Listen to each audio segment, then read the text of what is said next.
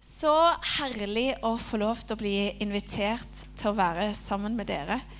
Å, herlig da lav han var. Ja, enten det eller så må jeg bøye meg.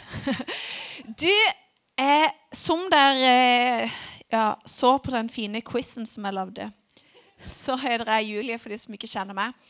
Og jeg har vært eh, ungdomsleder mange år i Hillsong i Stavanger. Jeg har eh, ungdomsarbeidet videre til som heter Liv Tora nå i sommer, og har tatt over ung voksenarbeidet i hilsen Og det er, ja, det er kjempekjekt. Og hvis ikke dere har hilst på Liv Tora, you must. Hun er helt rå.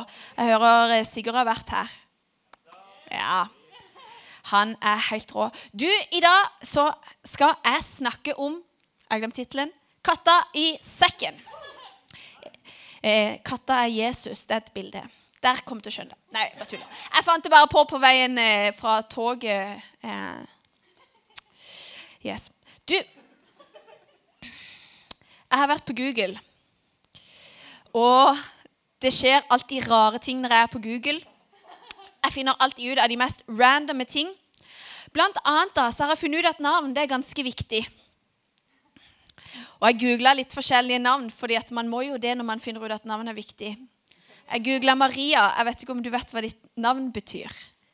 Det betyr perle eller vakker. Det passer deg perfekt. Så googler jeg Sondre. Ditt navn passer enda bedre. Det betyr svømmer. Jeg ser for meg deg i speedoen med badehetta nede på brygga her ta et sånn svalestup ut i havet. Det kan òg bety fred, og det føler jeg òg representerer det veldig bra. Jeg googla Jørgen, og det betyr å arbeide. Og det syns jeg òg passer sykt bra. Og det kan være jeg har sagt dette før, men jeg googla òg Julie. Og det betyr den hårete. Jeg syns ikke det passer så sabla bra. Jeg måtte ta håret bak for anledninga, så dere ikke skulle tro det var sant.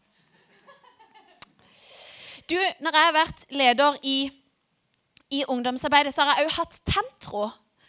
Hatt i mange år og syns det har vært sykt kjekt. Og Rekk opp hånda hvis du har gått tentro. Ah, det er så kult! Ai, ai, ai, ai. Rekk opp hånda hvis du går tentro nå. Heltene. Det er heltene. Og kan jeg bare slå et slag for dere som ikke er gamle nok enda? Jeg kan virkelig anbefale Tentro. Det er steinbra. Eh, det er sikkert mange andre kristne bra konfirmasjoner i området. De bare kjenner jeg ikke til. Så de, på en måte, de er nok veldig bra. Men jeg kjenner til Tentro, og det kan jeg anbefale. Gå Tentro. Og på Tentro der lærer man om å tenne troa. Man lærer om hva man faktisk tror på. Det er ganske kult, fordi eh, det er ikke meninga at vi som eh, kaller oss sjøl for kristne, skal gå rundt og være sånn derre eh, Hvordan kan man si det på en pen måte, da? Eh, dumme idioter som ikke vet hva de tror på. Det er faktisk sånn, vil jeg påstå, at jo mer du lærer om tro, jo nærmere Gud kommer du. Og sånn var det faktisk på Jesus sin tid også. På eh, Jesus sin tid så hadde de en slags jødisk konfirmasjon som hadde et sånt vanskelig navn som jeg ikke klarer å uttale helt. Bar mitzvah, tror jeg. Bat mitzvah. Eh, hvor de òg lærte om tro. De lærte om Toraen, som på en måte er de sin bibel. ikke sant? Og de lærte om profetene og liksom lovene og alle disse tingene. da. Og så etterpå, når de var sånn 13 år og de var ferdig med det, så var de voksne. Det er litt fascinerende. Da, da var de skikkelig voksne på den tida.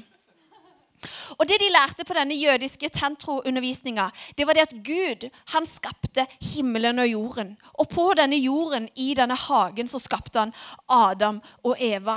Og han skapte ikke Adam og Eva som sånne roboter som bare sa sånn Gud, jeg elsker deg. Ikke, han hadde ikke programmert dem til å si det. For det er ikke sinnssykt imponerende hvis du har programmert en lysbryter til å skru seg på, og så skrur du den på, og så kommer lyset. Det er ikke sånn du tenker Wow! Jeg føler meg elska. Nei, Gud han hadde så sykt mye større kjærlighet for oss at han sa, 'Vet du noe? Jeg skal gi dere valget om å elske meg.' Så han satte dette treet med kunnskapen om godt og ondt. Og så sa han dere kan spise alle trærne utenom det. Og så spiste de av det treet. Og de fikk kunnskapen om godt. Og det var ikke problemet at de fikk kunnskapen om godt. Problemet var jo at de fikk kunnskapen om ondt. Og pga. at de spiste av dette treet, så kom synd inn i verden. Og når synd kom inn i verden for mennesket, så kunne ikke Gud og mennesket være sammen i hagen lenger. For det er sånn, jeg vet ikke om dere vet dette, men Gud er perfekt.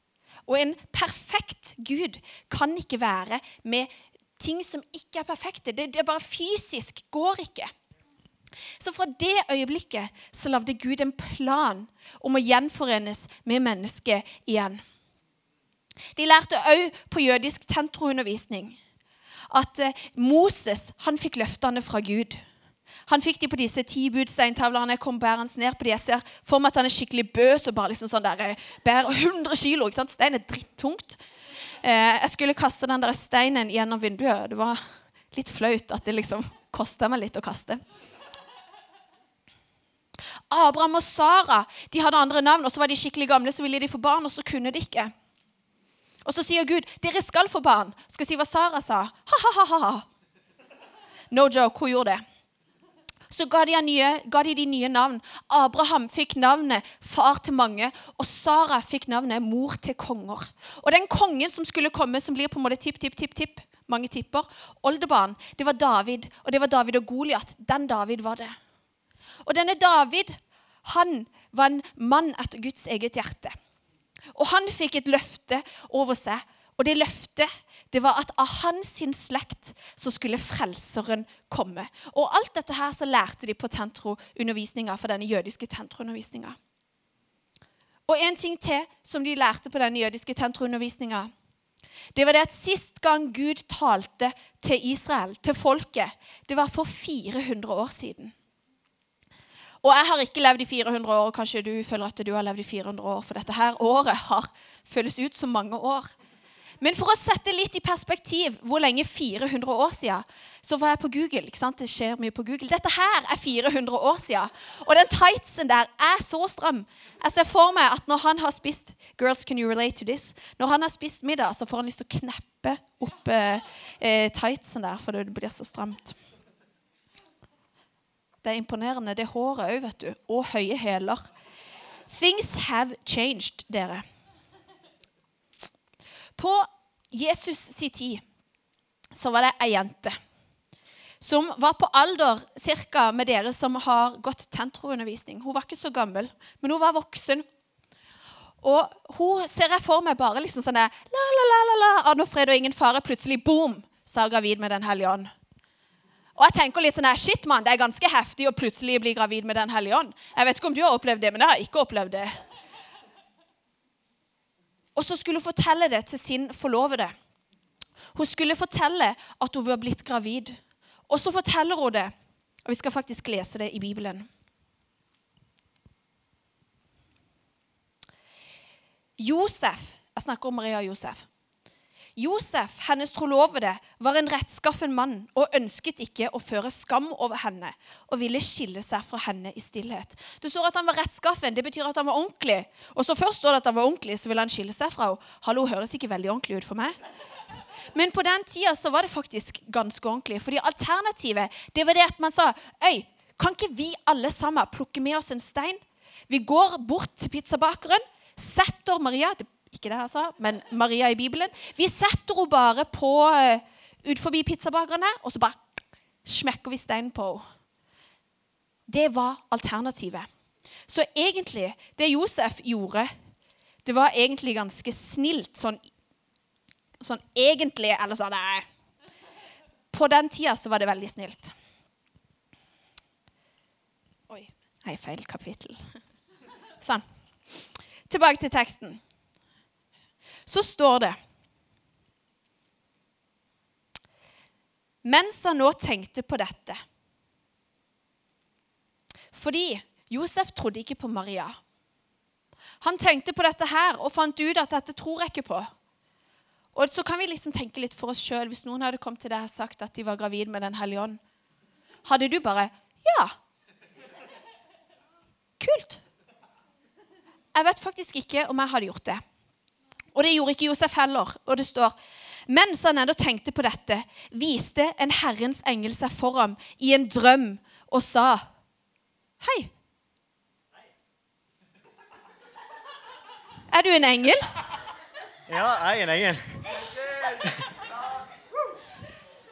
Vær ikke redd for å ta Maria hjem til deg som kone. For barnet som har unnfanget henne, er av Den hellige ånd. Hun skal føde en sønn, og du skal gi henne navnet Jesus. Han skal frelse sitt folk fra syndene.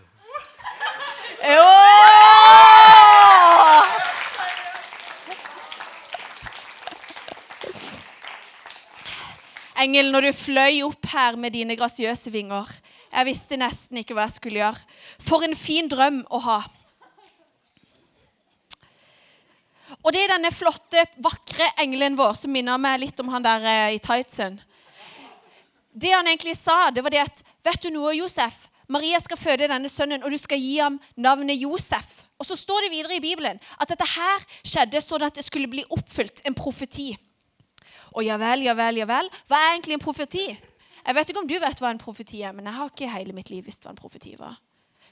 En profeti i Gamle testamentet så var det sånn Det er litt sånn fascinerende. Jeg tror mennesker var litt sånn tjukke i pappen, sånn at de klarte ikke å høre fra Gud. Nei da, det var ikke de sin skyld. Men det var sånn at mennesket Gud ville si noe til mennesket, men han kunne ikke snakke til dem. Så han utvalgte en profet som var liksom på en måte mellomleddet til mennesker. Så ofte så var det sånn derre eh, Jeg er Gud, og jeg sier til deg, profet, om du kan si til kongen at han oppfører seg som en dust. Og andre ganger så var det liksom sånn derre Jeg har lyst til å fortelle deg om denne planen jeg har om å gjenforene mennesket med Gud.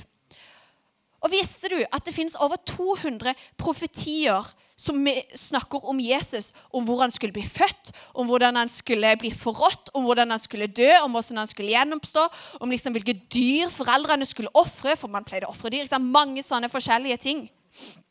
Hvem han skulle være i slekt med. Han skulle liksom være tipp-tipp-tipp til David. Og det kan du lese om i Matteus 1 at han var. ikke sant? 200 profetier ble oppfylt. Og til det som sitter her og er litt skeptisk til dette som kommer med tro, så har jeg bare lyst til å si noe som jeg syns er sykt kult. Karbontesting. Har dere hørt om karbontesting? Karbontesting er det kuleste som fins. Si da du bare er ute og rusler og går, og så finner du en mumie. Og tenker 'Å, kult, en mumie. Jeg vil finne ut hvor gammel han er'. Da karbontester du han. Dette er sånne naturfagsgreier. Jeg skjønner det ikke, men jeg stoler på dem. Si da at du finner et sånn sverd som du tror er fra jernalderen, og du bare 'Å, hvor gammelt er dette sverdet?' Du karbontester det. Dette er ikke noe sånn kristen greie. Dette er noe sånn verdensgreie så har de funnet dokumenter hvor det står profetier om Gud. Fordi spoiler, jeg vet ikke om du visste dette, men når Jesus ble født, så fantes ikke Bibelen som en bok. Han fantes som forskjellige dokumenter. Og så kan de karbonteste det. De tar litt av arket, og så kan de karbonteste hvor gammelt det er. Og de kan finne ut at disse profetiene er lagd flere hundre år før Jesus ble født. Og det er ganske kult. Og jeg sa det var over 200, og jeg skal ikke gå gjennom alle de, men jeg skal gå gjennom én. Og en av disse profetiene finner vi i Jesaja 7 og vers 14. Der står det Derfor skal Herren selv gi dere et tegn. Se, en jomfru skal bli med barn. Maria. Hun skal føde en sønn og gi ham navnet Immanuel. Og her kommer mitt litt sånn follow-up-spørsmål. Wow, ikke sant? det var sterkt. Ofte leser vi det i juletider. Wow, ikke sant? Korens eh, sang bare liksom stiger til himmelen. Og så tenker du kanskje ja, men ble egentlig den profetien oppfylt? Fordi at engelen, vår vakre engel sa jo at han skulle hete Jesus. Men her står det at han skal hete Immanuel. Ha. What, what, what, what, what? For å forklare dette så må jeg snakke om min far. Han Og han må dere oppleve. Min pappa han heter Vidar. Jeg kaller han for pappa. Kanskje noen av dere hadde kalt han for far. Mine fremtidige barn de kommer til å kalle han for bestefar. Mine besteforeldre Å, hils fra meg. Mine besteforeldre de kaller han for sin sønn. Han signerer meldinger no joke, med Faderen. Det er liksom sånn derre Hvor er du? Faderen. Føler alltid liksom Gud ser over meg. Og alle disse navnene er like sanne. Det er ingen av disse navnene som er en løgn på min far Vidar Svendsen. Og sånn er det med Jesus også. Jesus har flere navn. Og gjennom den Jesus var, så ble Immanuel, som betyr Gud med oss, for navn det er viktig. Jesus betyr Herren frelser. Immanuel betyr Gud med oss. Og det betyr ikke sant, Nå er det ikke så lenge til jul. Jeg har dratt ut boksen med julepynt. Jeg har ikke åpna den, men jeg har dratt den fram. At Jesus han hang på korset. Immanuel, Gud med oss, hang på korset. Men det var ikke bare Gud med oss som hang på korset, men Gud for oss. For helt fra Adam og Eva så hadde Gud en plan. Planen var at Gud med oss og Gud for oss skulle gjøre noe, så vi nok en gang kunne være med ham. Visste du at hvis du var den eneste på jorda, så hadde Gud fortsatt sendt sin sønn, Gud med oss, for å dø for deg? Og Ofte når vi hører Gud med oss, så kan vi tenke ja, det er Gud med alle andre enn meg. Nei, det er Gud med oss. Det er Gud med deg.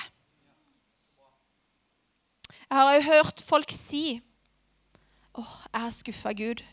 Jeg vet faktisk aldri om han kommer til å tilgi meg. Kan jeg fortelle deg en spoiler? Han har allerede tilgitt deg.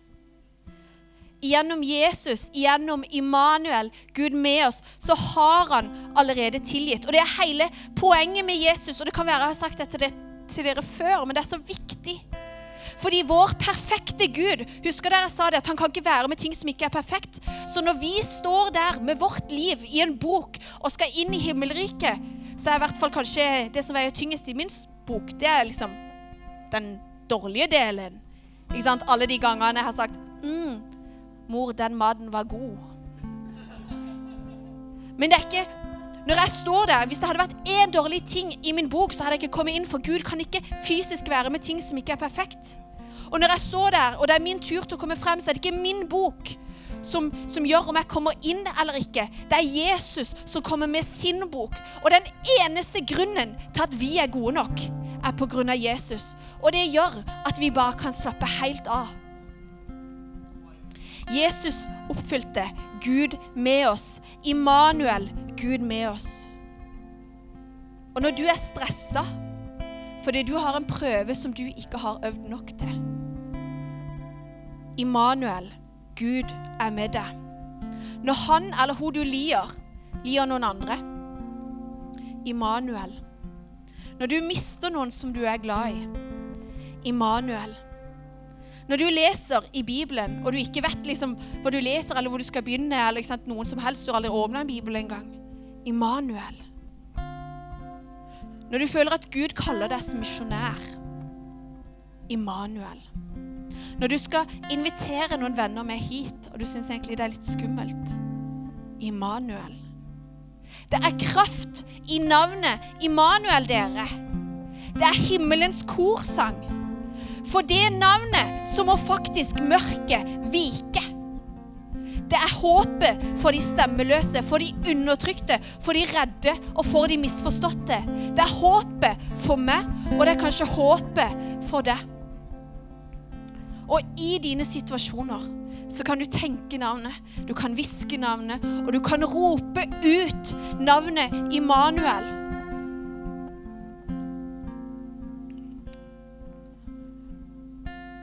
Jeg satt på, på toget bort her og tenkte på om jeg skulle dele denne historien, og egentlig så tenkte jeg at eh,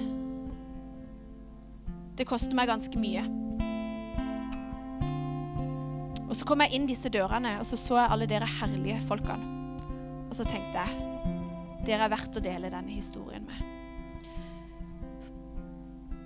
Og det er litt sånn heftig historie, men for ca. to år siden så var jeg på gudstjeneste. Og rett før møtet skulle begynne, så fikk jeg en telefon som gikk sånn her. Hei, har du sett eh, denne personen i det siste? Har du sett henne i dag? Nei. Og jeg visste at hun hadde hatt det skikkelig tøft. Og hjertet mitt bare sank. Hun sa at eh, politiet er og leter etter henne. Og hun har sendt ut masse meldinger til folk, for hun forteller hvor glad hun er i dem. Hun hadde fått en melding som jeg hadde svart på på morgenen. Og i min sjel så visste jeg at noe var så galt at jeg liksom ikke klarte å liksom tenke hvor galt det kunne være. Og så begynte gudstjenesten, og vi har sal som dette, men bak så har vi en sånn andre etasje hvor du kan se ned. Og jeg bare kjente at jeg, jeg må bare grine. Jeg vet ikke hva jeg skal gjøre av meg sjøl engang. Og jeg husker jeg sto på galleriet, det det heter liksom andre etasjen, og så så ned under lovsangen. Og der sto det en som heter Ingvald. Og han sto helt i hjørnet, helt bak, sånn her. Og jeg sa til Gud Inni meg så sa jeg, Gud, mine hender er utstrakte, men du ser det ikke. Gud, vær så snill og vær med meg akkurat nå. For jeg liksom klarer nesten ikke å puste. Og i det øyeblikket så kunne Ingvald sine utstrakte hender få være mine desperate hender som lengta etter pappa min Gud. Og så gikk jeg hjem den kvelden og jeg var sånn der, skal vi gå ut og lete etter henne. Jeg vet ikke hva jeg skal gjøre. Og så gjorde vi det ikke. For vi fikk ikke lov. Klokka fire på natta så får jeg en telefon. Og i den telefonen så, så sier hun at vi har funnet henne, og er ikke i live. Og fikk ikke puste, og jeg lå der i en ball og grein og grein og grein og visste ikke hva jeg skulle gjøre med meg sjøl. Verden bare raste. Og i det øyeblikket så sa jeg Immanuel. Og jeg tenkte, hvordan klarer folk som ikke er kristne, dette her? Og jeg følte at Gud la et teppe av kjærlighet rundt meg. Når jeg var så knust at jeg ikke visste hva jeg skulle gjøre med meg selv, jeg bare lå der.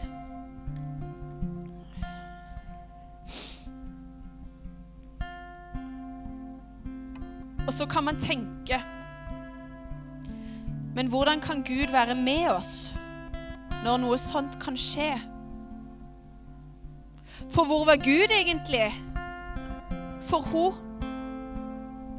Hun døde jo.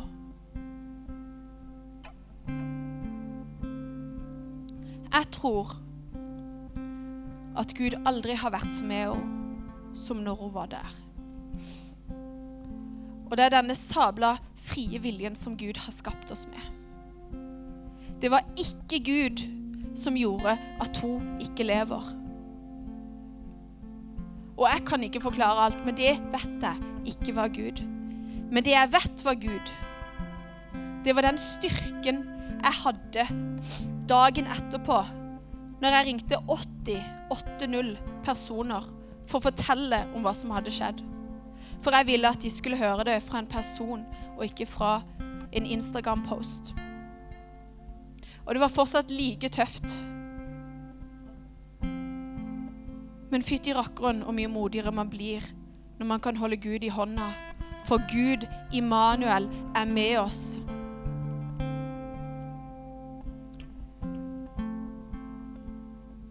I din situasjon, uansett åssen den er Tenk det, hvisk det, rop i glede og i sorg navnet Immanuel. Det er en av karakterene ved Jesus at Gud er med. Og selv om ikke du er med Gud, så er han med deg. Gud er alltid med.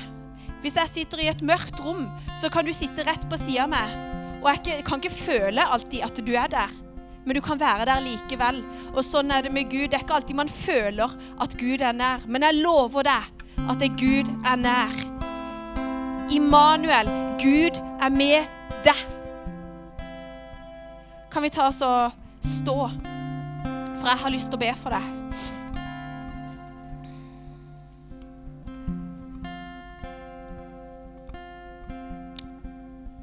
Kjære Gud. Du ser alle de som er her, far. Og du kjenner de sitt hjerte. Jeg takker deg for at du alltid er med dem, at du aldri har forlatt dem, at du aldri vil gå fra dem. At uansett hva som har skjedd i livet, eller hva livet har gjort mot de, far, så er du alltid der. Og du dømmer, du, ikke, du dømmer de ikke, og du er bare glad i de, far. Jeg bare ber om at når de står i situasjoner i livet, så skal de hviske det, så skal de tenke det, så skal de rope ut at du er med dem. Så skal du proklamere ditt navn. Far, jeg bare ber om at du skal velsigne dem. Jeg ber om at du skal bevare dem. Jeg ber om at du skal beskytte dem. Jeg ber om at du skal legge ditt teppe av omsorg om dem, far. I Jesu Kristi navn. Amen. Og i dette veldig mørke rommet så har jeg lyst til å spørre om du òg har lyst til å bli en kristen. Sånn at ikke bare Gud kan være med deg, men sånn at du kan være med Han. Og det handler ikke om å få til livet, men det handler om at Gud er med, og du har lyst til å være med Han også. Og hvis du tror dette som står, at Jesus han døde og han sto opp igjen for dine synder, så du kunne være med Gud, så har jeg bare lyst å be bare liksom sånn en kjempekort bønn. Og det står flere steder at menigheten ba. Det betyr at alle de som kaller seg kristne, ba. Så hvis vi kan lukke øynene bare fordi dette her er egentlig bare mellom deg sjøl og Gud, så har jeg lyst til å spørre hvis du har lyst til å bli kristen, så kan du bare egentlig løfte hånda akkurat nå. Og så etterpå skal vi be sammen. Jeg ber, og så ber dere etter meg. Kjære far. Takk for at du sendte din sønn for å dø for meg. Jeg har lyst til å gi mitt liv til deg. I Jesu navn. Amen.